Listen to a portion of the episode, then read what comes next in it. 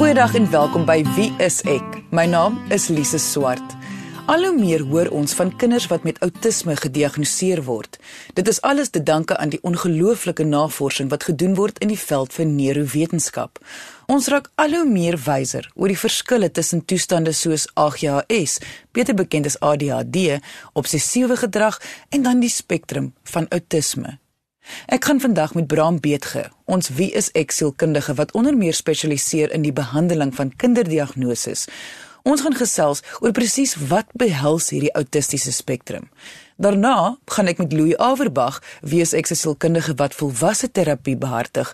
Ons gaan gesels oor hoe ouers van autistiese kinders hul eie verhouding kan sterk hou onder sulke enorme druk. Maar kom ons kop af met die gesprek wat ek met Bram gehad het. Bram, ons hoor al hoe meer van kinders wat met outisme gediagnoseer word. Maar wat presies behels hierdie diagnose? Lise, ek dink as ons kyk na die nuwe navorsing wat oor outisme gedoen word en veral diagnosties, is dit beter om te praat van die autistiese spektrum. So om 'n diagnose te doen, moet 'n mens baie noukeurig wees as 'n sielkundige werk hy baie nou saam met 'n pediater of 'n kinderpsigiater en 'n mens moet onthou dat so 'n diagnose ook ander toestande kan insluit. 'n Mens dink hier byvoorbeeld aan 'n redversteuring wat uitsluitlik by dogters voorkom. Dit is 'n vorm van van outisme ook en baie klassiek van hulle is dat hulle nie praat nie. Ehm um, hulle lewe absoluut in hulle eie wêreld En dan kyk ons ook na iets soos byvoorbeeld jou hoogfunksionerende Asperger. So dit is 'n baie baie komplekse proses wat deurgegaan moet word voordat so 'n diagnose gedoen kan word. Hoe is dit dat die hoeveelheid diagnoses van outisme so toegeneem het die afgelope paar jaar? Want selfs 15 jaar gelede sou mens nie sommer gehoor het dat 'n kind hiermee gediagnoseer is nie, maar dit voel amper al hoe meer alledaags. Dit klink nogal so, né? Absoluut want ons moet onthou dat daar verskriklik baie nuwe navorsing nou in die veld van neuroscience is. Met ander woorde die wetenskap van die brein. En dat geweldig baie nuwe navorsing nou gedoen word om te kyk hoe presies die breinfunksionering van 'n autistiese kind anders is as by ander kinders die veld van neuroscience en al die nuwe navorsing wat nou daar gedoen word, het baie deure vir ons begin oopmaak oor hierdie neurobiologiese ontwikkelingsversteuring. So waarna toe dit ons lei dan is dat ons 'n baie beter begrip nou het van waaroor die autistiese spektrum eintlik meer en meer begin gaan. Jy werk gereeld met autistiese kinders. Kan jy verduidelik wat jy al gesien het wat die kind ervaar? Want vir die gewone man op straat sien ons net jy weet 'n baie moeilike kind. In die eerste plek Lise dink ek is dit baie belangrik om regtig opregte belangstelling te hê in die wêreld van die autistiese kind. Onthou wat 'n mens baie sien veral in jou praktyk is dat hulle baie min empatie toon vir ander mense. Hulle het 'n onvermoë om emosies sinvol te verwoord en hulle wil vreeslik graag leer. So baie frustrasies word gesien. Sommiges van hulle praat glad nie terwyl ander weet vir ure kan praat oor 'n onderwerp, byvoorbeeld die sterrestelsel of dinosourusse. Okay, so wat ons ook sien dan by hulle is dat daarvan hulle is wat weet intellektueel baie ingeperk is. Nie baie van hulle word in in 'n sielkundige se praktyk gesien nie. Hulle word baie meer in autistiese skole gehanteer, maar dan ook tot die hoogs briljante intellektuele autistiese kind wat in die uh, vroeë dae nou die Asperger sindroom genoem is. So wat ek ook baie keer sien by hulle is 'n baie interessante rigiditeit. Baie rigiede denkpatrone oor oor die wêreld en baie keer baie vreemde wêreldbeskouings. Hulle is ook baie keer onbuigbaar in 'n in 'n konversasie of 'n gesprek met 'n mens. So ja, dit is baie die dinge wat 'n mens sien by by jou meer hoogs funksionerende uh, autistiese kinders. En onthou ons praat weer eens hier van die spektrum. Met ander woorde van jou laag funksionerende tot jou hoog funksionerende autistiese kinders. Wat is die tekens waarvoor ouers moet uitkyk? Want as ek reg verstaan, kan die simptome al van 'n baie jong ouderdom begin manifesteer. Autisme is 'n neurobiologiese ontwikkelingsversteuring. So jou kenmerkende aspekte daar is kommunikasie en gedragsprobleme. So wat ons baie sien by hulle is hierdie sosiale tekorte, hierdie kommunikasieprobleme, stereotipe en herhalende gedrag in hulle belangstellings en ook in aktiwiteite wat ons baie dikwels opmerk by hulle. En dit kan teenwoordig al wees weet in 'n baie vroeë ouderdom. Die DSM-5 soos wat ek net nou gesê die, die nuwe diagnostiese kategorie is nou meer gemik dat ons hulle verstaan in terme van 'n meer dimensionele benadering en nie meer spesifiek net kategorieë nie. So ons kyk hier veral na drie vlakke van van outisme. Ehm um, die eerste vlak is die vlak 3. Dit is waar daar baie erge beperkings is in hulle algemene funksionering. Hulle het baie supervisie nodig. Die vlak 2, daar's matige beperkings en minder supervisie nodig en dan die vlak 1 waar daar geringe inperkings is en hier sien ons byvoorbeeld jou tipiese hoogs funksionerende autistiese kinders. So kinders met outisme kan varieer van baie erge afskakeling tot geringe spraak en sosiale probleme. So met ander woorde, wanneer ouers begin agterkom dat hulle kind kommunikeer nie soos ehm um, ek kan presies soos hulle portuïergroep nie soos die ander kinders van hulle ouderdom of hulle 'n vreeslike uh, gefokusde iets op 'n uh, uh, meer as wat ander kinders sal hê op daardie ouderdom is dit die tipe goeters waarvoor mense dan nou uitkyk Ja, byvoorbeeld jy weet kinders met outisme kan varieer van baie erge afskakeling tot geringe spraak en sosiale probleme. Daarom die naam autistiese spektrum verstoring. As ons kyk meer na spesifieke aspekte, spesifieke simptome by hulle, sien ons dan die klassieke agterstand of agteruitgang of afwesigheid van taalontwikkeling. Ons kyk na ongewone reaksies tot ander mense, hulle vermy oogkontak, hulle bied weerstand om opgetel te word byvoorbeeld of vertroetel te word selfs. So daar's 'n skynbare afsluiting van die buitewêreld.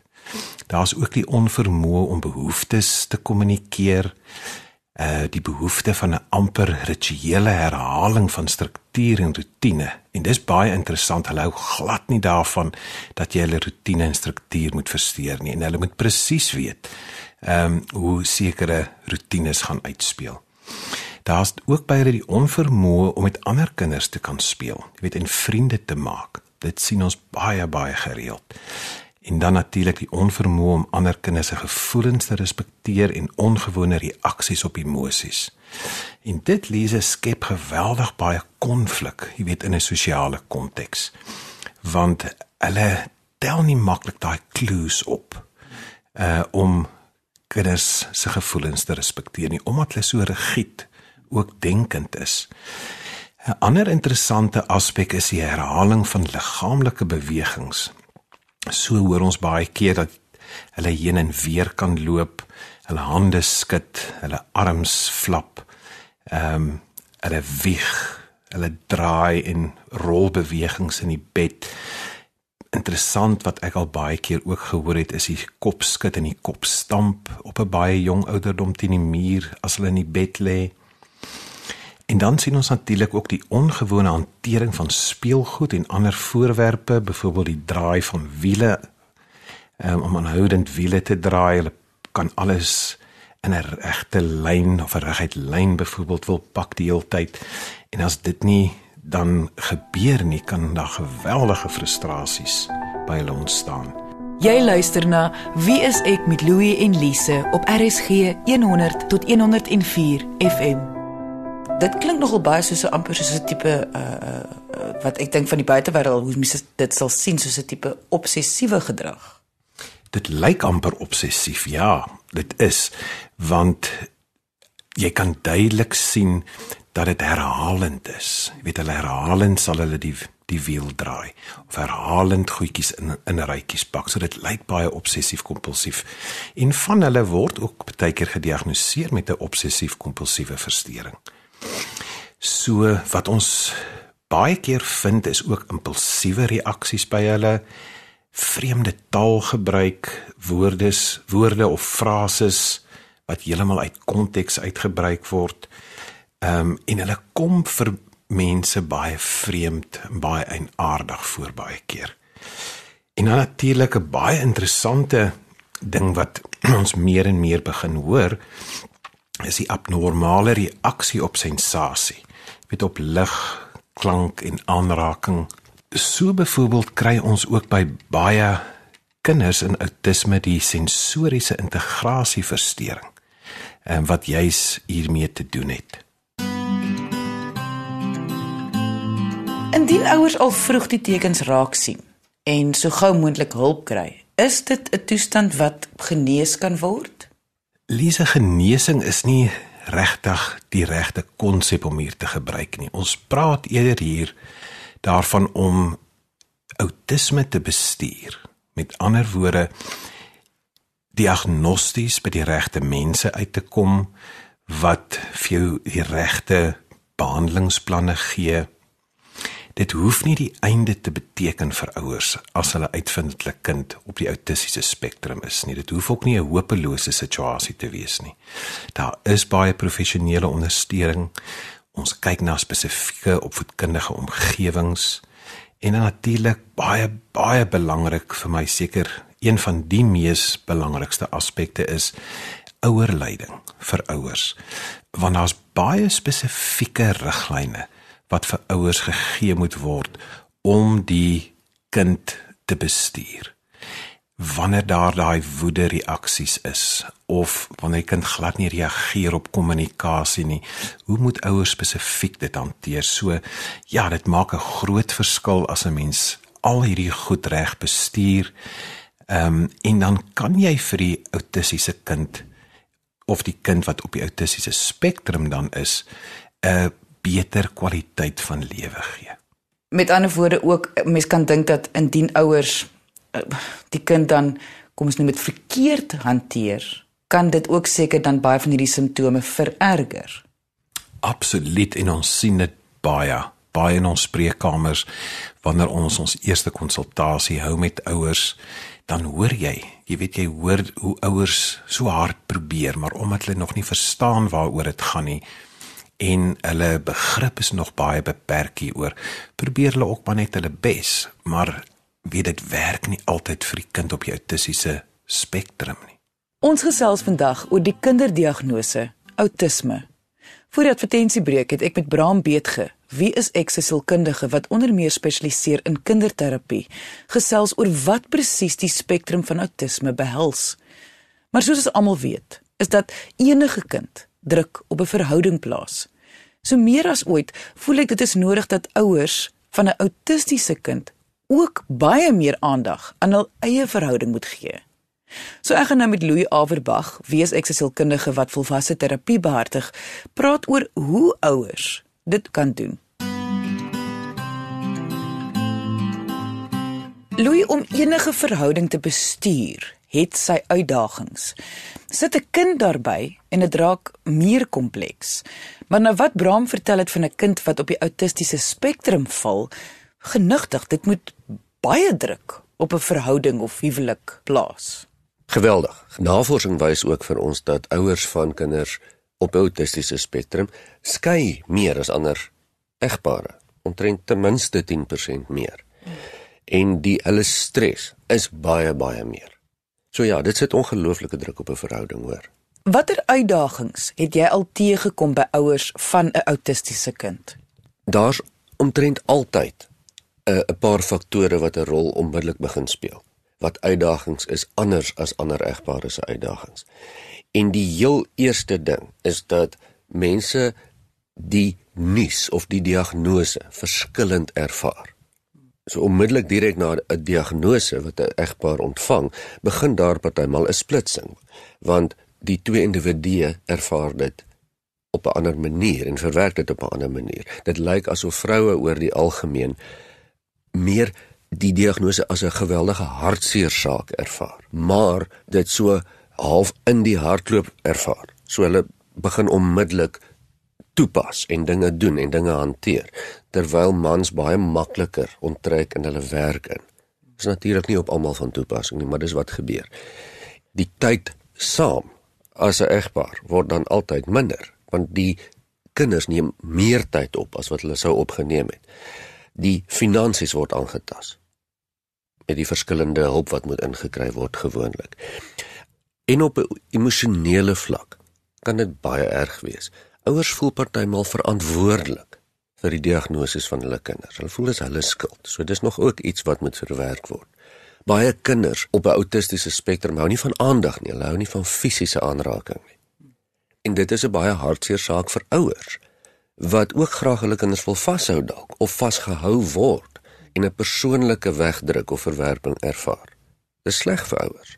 En hier is die ander groot faktor, as daar ander kinders is, dan begin daar 'n baie komplekse situasie uitspeel van die ander kinders moet ook aandag kry. Hulle moet ook spesiaal voel.